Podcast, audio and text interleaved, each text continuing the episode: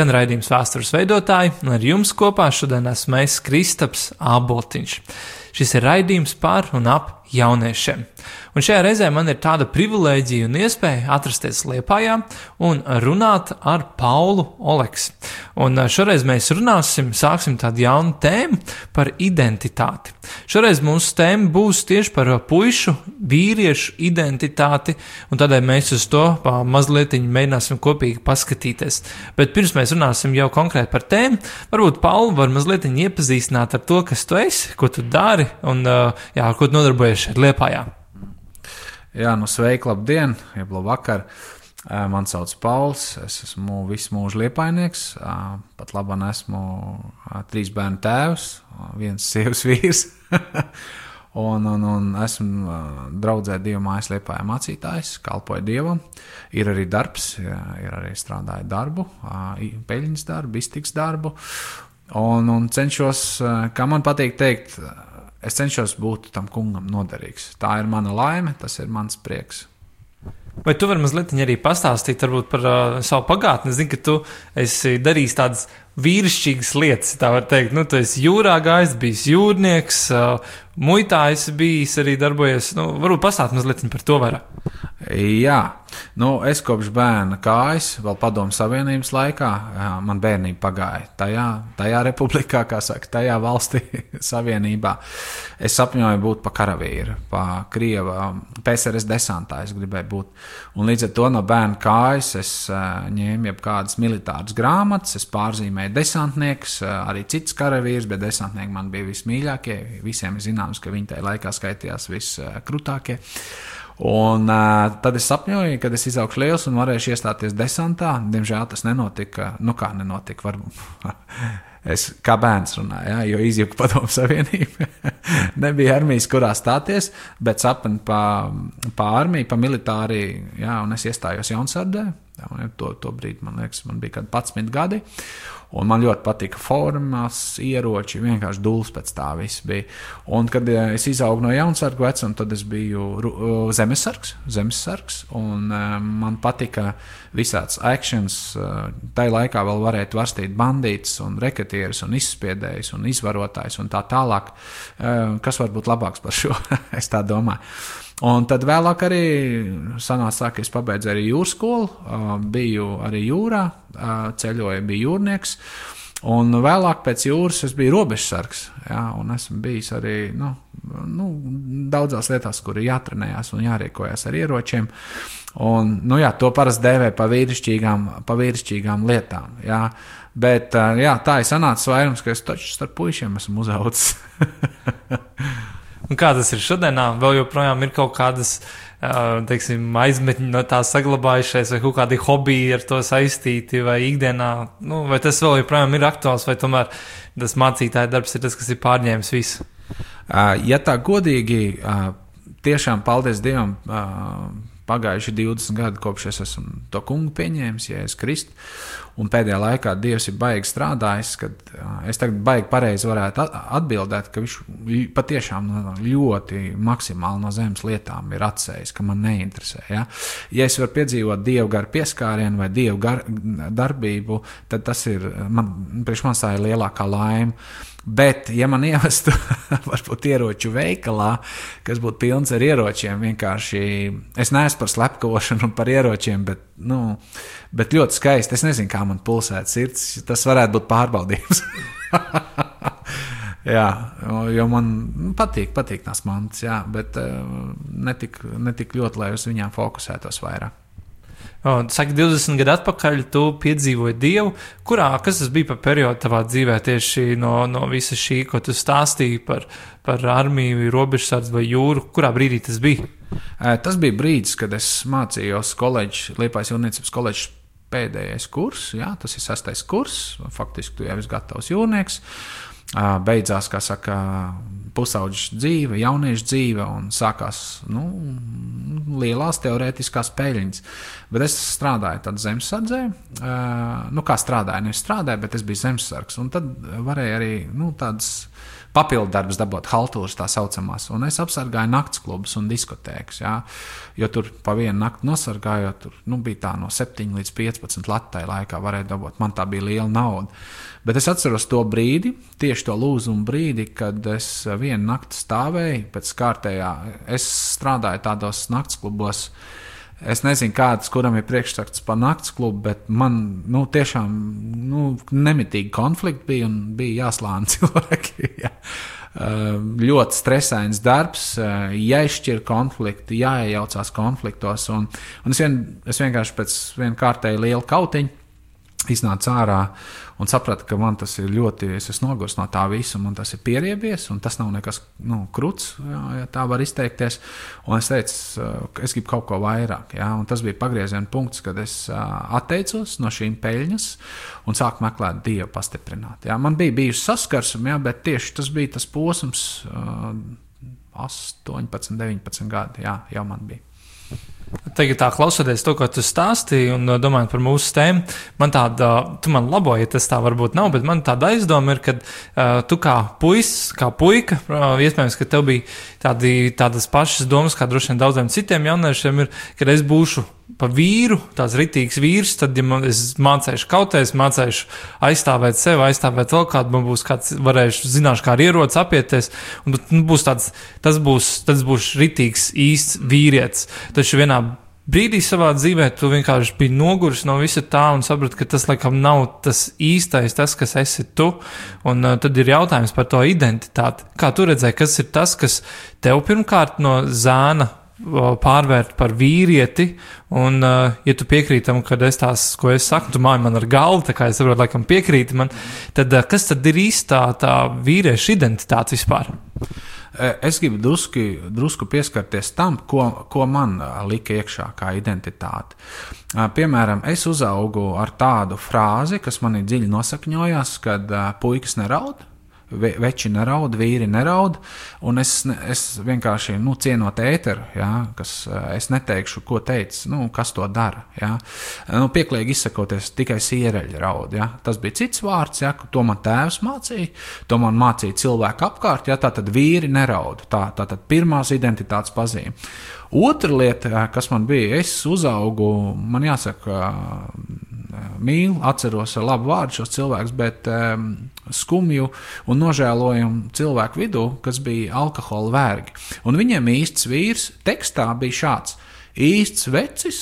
Īsts vīrs dzer un pīpā un šauj pa labi vai pa kreisi. Ja? Normāli, un šī tādas lietas tev mācās no bērna kājas. Uh, un, tas, un, un vēl daudzas citas muļķības tev runā apkārt. Uh, Tu to vari nemanīt, bet tas tevī tik dziļi nosēžas, ka tu centies vilkt tam līdzā. Kaut ko, kaut ko darīt, ja, kas ir krūts, vēl īsti vīri jēdz, kas ir motocikls, kas ir mašīna. Es neesmu tehnisks cilvēks, ja, bet es atceros, kad mēs stāvējām un apspriedām kādu mašīnu. Es kā ar klausījos, ko cilvēki tiešām, kas kaut ko jēdzu runā, uh, lai pēc tam varētu dot to tālāk, un nu, lai būtu īsts vecis. Jā, tieši tā ir nu, čalis, vai ne, kaut ko jēdz, kaut ko saprast.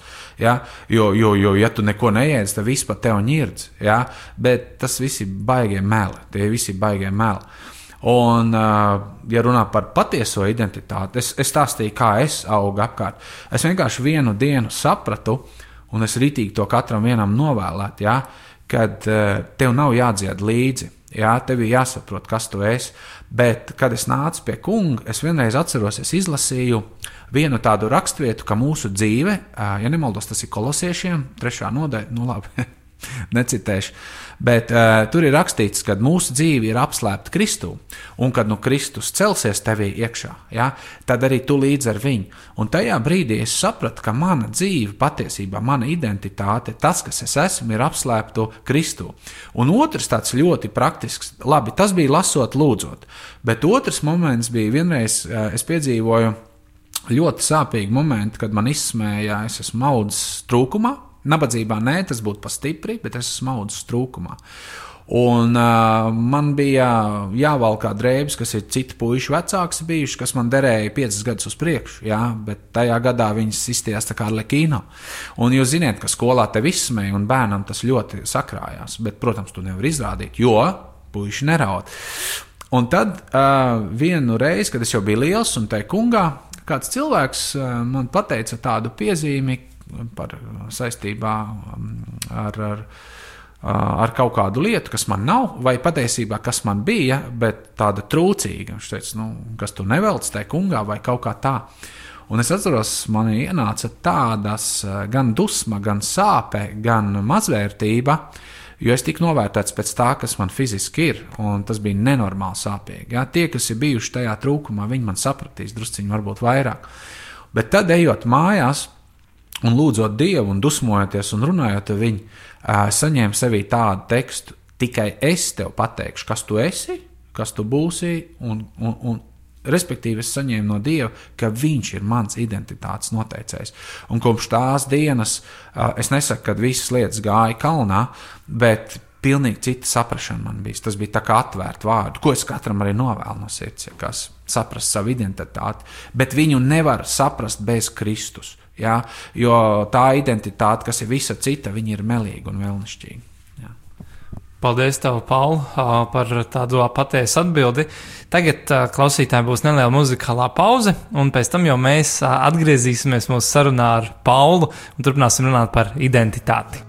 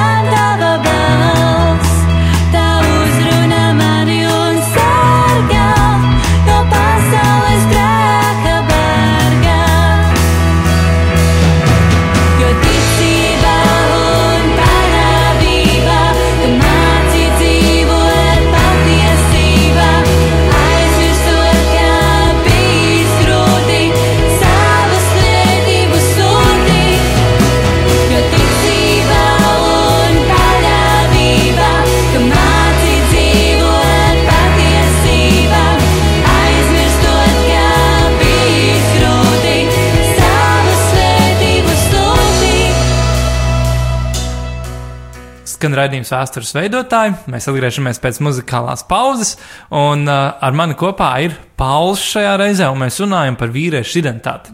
Un mēs uh, tieši pirms uh, pārtraukuma mēs runājam par to, ka Kristu uh, dievā ir tā mūsu patiesā īstā identitāte.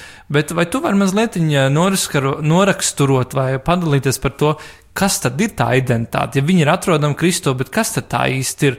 Ja es kā vīrietis vairāk neatrodu savu identitāti savā spēkā, ieročos un tajā, kad es neraudu, kur, kur tad es atrodu to identitāti? Kas, kas tad ir tā mana identitāte? Uh, nu, ar, nu, pirmkārt, uh, es neko jaunu droši vien nepateikšu. Kad mums ir jāņem paraugs, īsts, vīrišķi, īsts vīrišķības paraugs. Uh, Un uh, es negribu izklausīties pareizi, bet tas ir Jēzus Kristus. Un, ja jūs paskatāties uz Jēzus Kristus paraugu, tad viņš, uh, man patīk, vispilgtāk bija tā, viņam bija dievišķa identitāte, viņš bija debesīs. Bet viņš izdarīja ko? Viņš aizliedza savu majestātiskumu un ķēnišķību un nolaidās pie mums lejā un deva savu dzīvi par citiem. Man liekas, tas ir lielākais identitātes, spilgtākais piemērs sevs aizliekšana uh, citu labā. Un, un, un, Un viņš, viņš nevis tā kā vēlams, kurš iekāroja dievu vietu, ja, bet Kristus viņš bija jau, bet viņš to visu atstāja. Un man liekas, tas ir kaut kas tik neaptverams. Un otra lieta ir, eh, ko es varu uzreiz piebilst, ir arī, kad uh, Kristus mācīja, ka vīriem ir jāuzņemās atbildība. Un atbildība, es ātri pateiktu, trīs lietās, kā es ticu, būt par ķēniņu ķēnišķīgi. Ja? Teiksim, būt par savu namu saimnieku, uzņemties fizisko labklājību un materiālās rūpes, būt par vecu un santehniķi, ja, tautas valodā.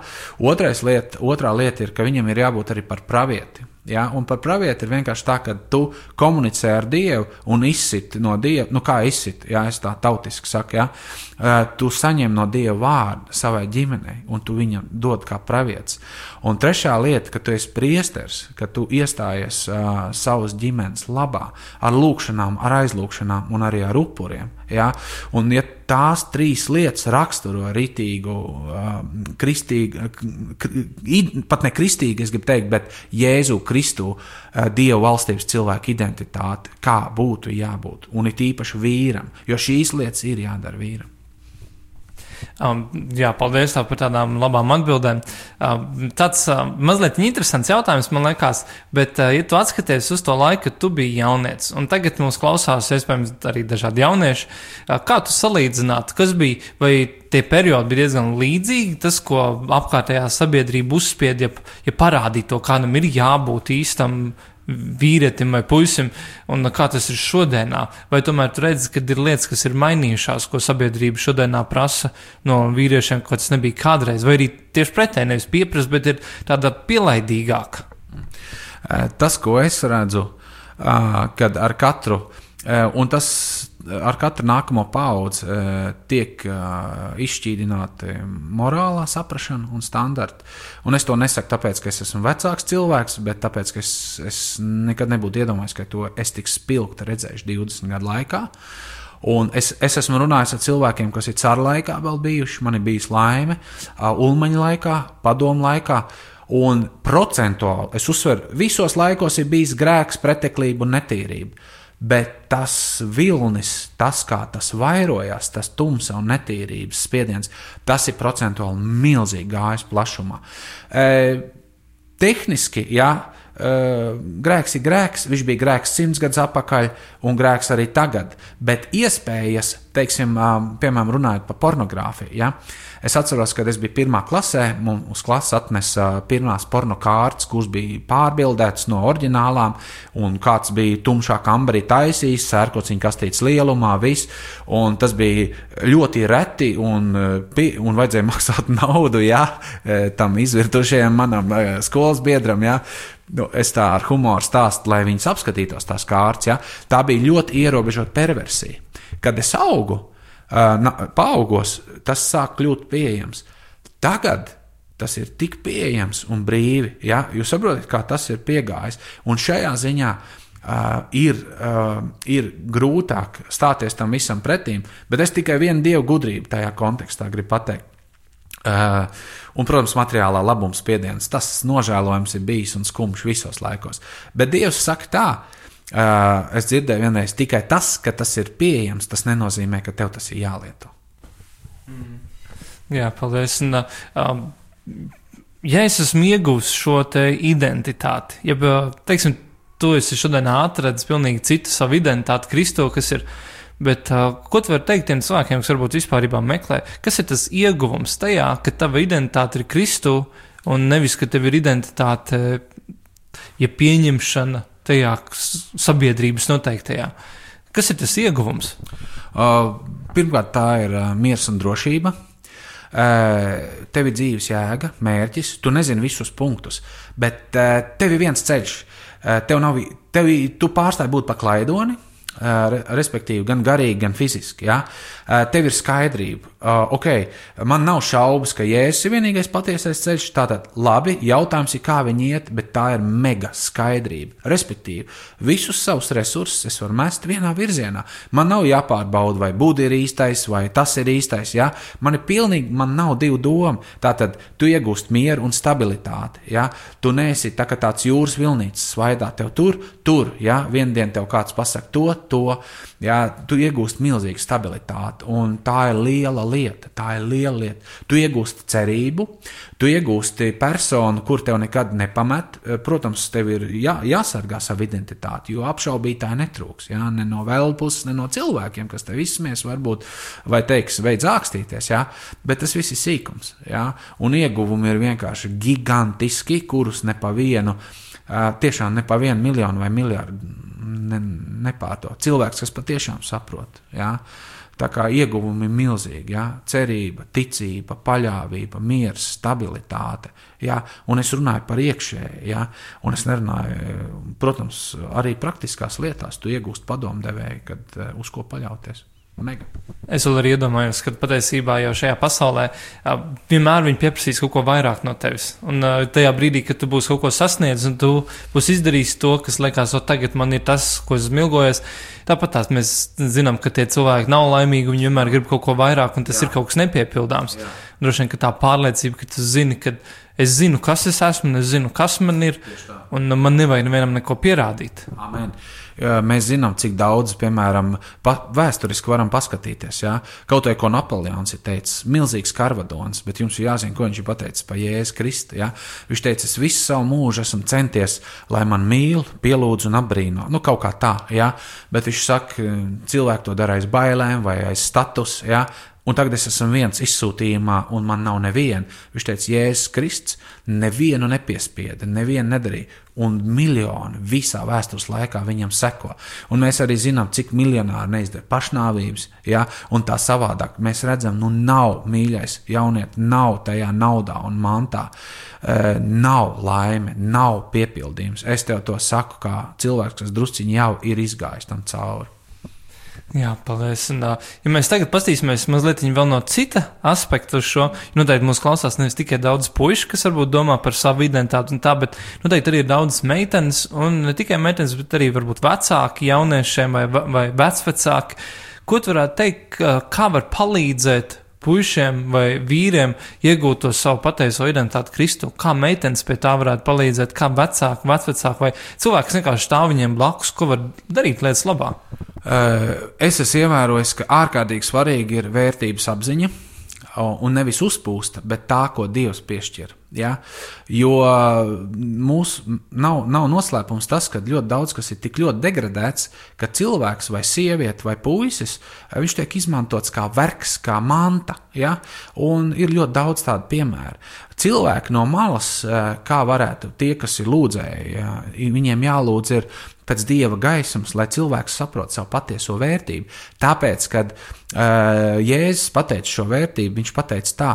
Pat dvēseli un pat cilvēku. Ko tas cilvēkam līdz, ja viņš iemanto visu pasauli vai puspasauli, ja, kā tur īsti bija, ja, bet zaudē savu dvēseli. Tā tad Eh, kaut kur pirm, kādam ir jāpasaka, paklausies, tu esi dārgs un vērtīgs.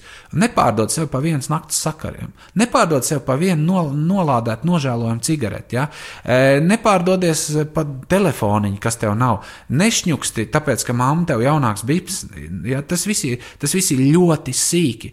Tas viss var pienākt, tu vari to sastrādāt, uzņemies atbildību, lūdzu Dievam darbu, viss būs, bet cilvēkiem no malas vajag celt vērtību, Vērtību vajag celt un cienīt, ļoti vajag cienīt. Un tās ir divas lietas, ko ļoti dara Dievs ar mums. Viņš mums ir iedevis vērtību, un viņš mūs ciena. Un viņš ciena kā uh, mums ir dot brīvā griba izvēlēties. Ja? Bet mēs esam radīti Dieva līdzjūtībā, un līdz ar to mums ir kaut kā jāsēj viens otrā šī cieņa un vērtība. Es domāju, tās ir tādas un iedrošinājums. Ja? Nevis paņirkt, ko mēs visi mākam un nozākāt, bet celt celt, celt uz augšu otru, iedrošināt, ja, palīdzēt. Jā, paldies, tev liels, Paul, par šo sarunu, par visām tavām atbildēm. Liels prieks bija klausīties visā tajā, un jūs, klausītāji, gribu atgādināt, kad pēc nedēļas mēs runāsim par meiteņu identitāti. Līdz ar to, ja jums ir kādi jautājumi, jūs varat droši mums rakstīt uz radio at historymakers.lv, un mēs mēģināsim šiem jautājumiem arī atbildēt nākamās nedēļas raidījumā. Lai Dievs jūs sveitī, lai jums ir brīnišķīga nedēļa, un lai Dievs jūs sveitī un vada. Ar jums kopā bija Kristaps Abotiņš un raidījums vēstures veidotāji. Visu labu!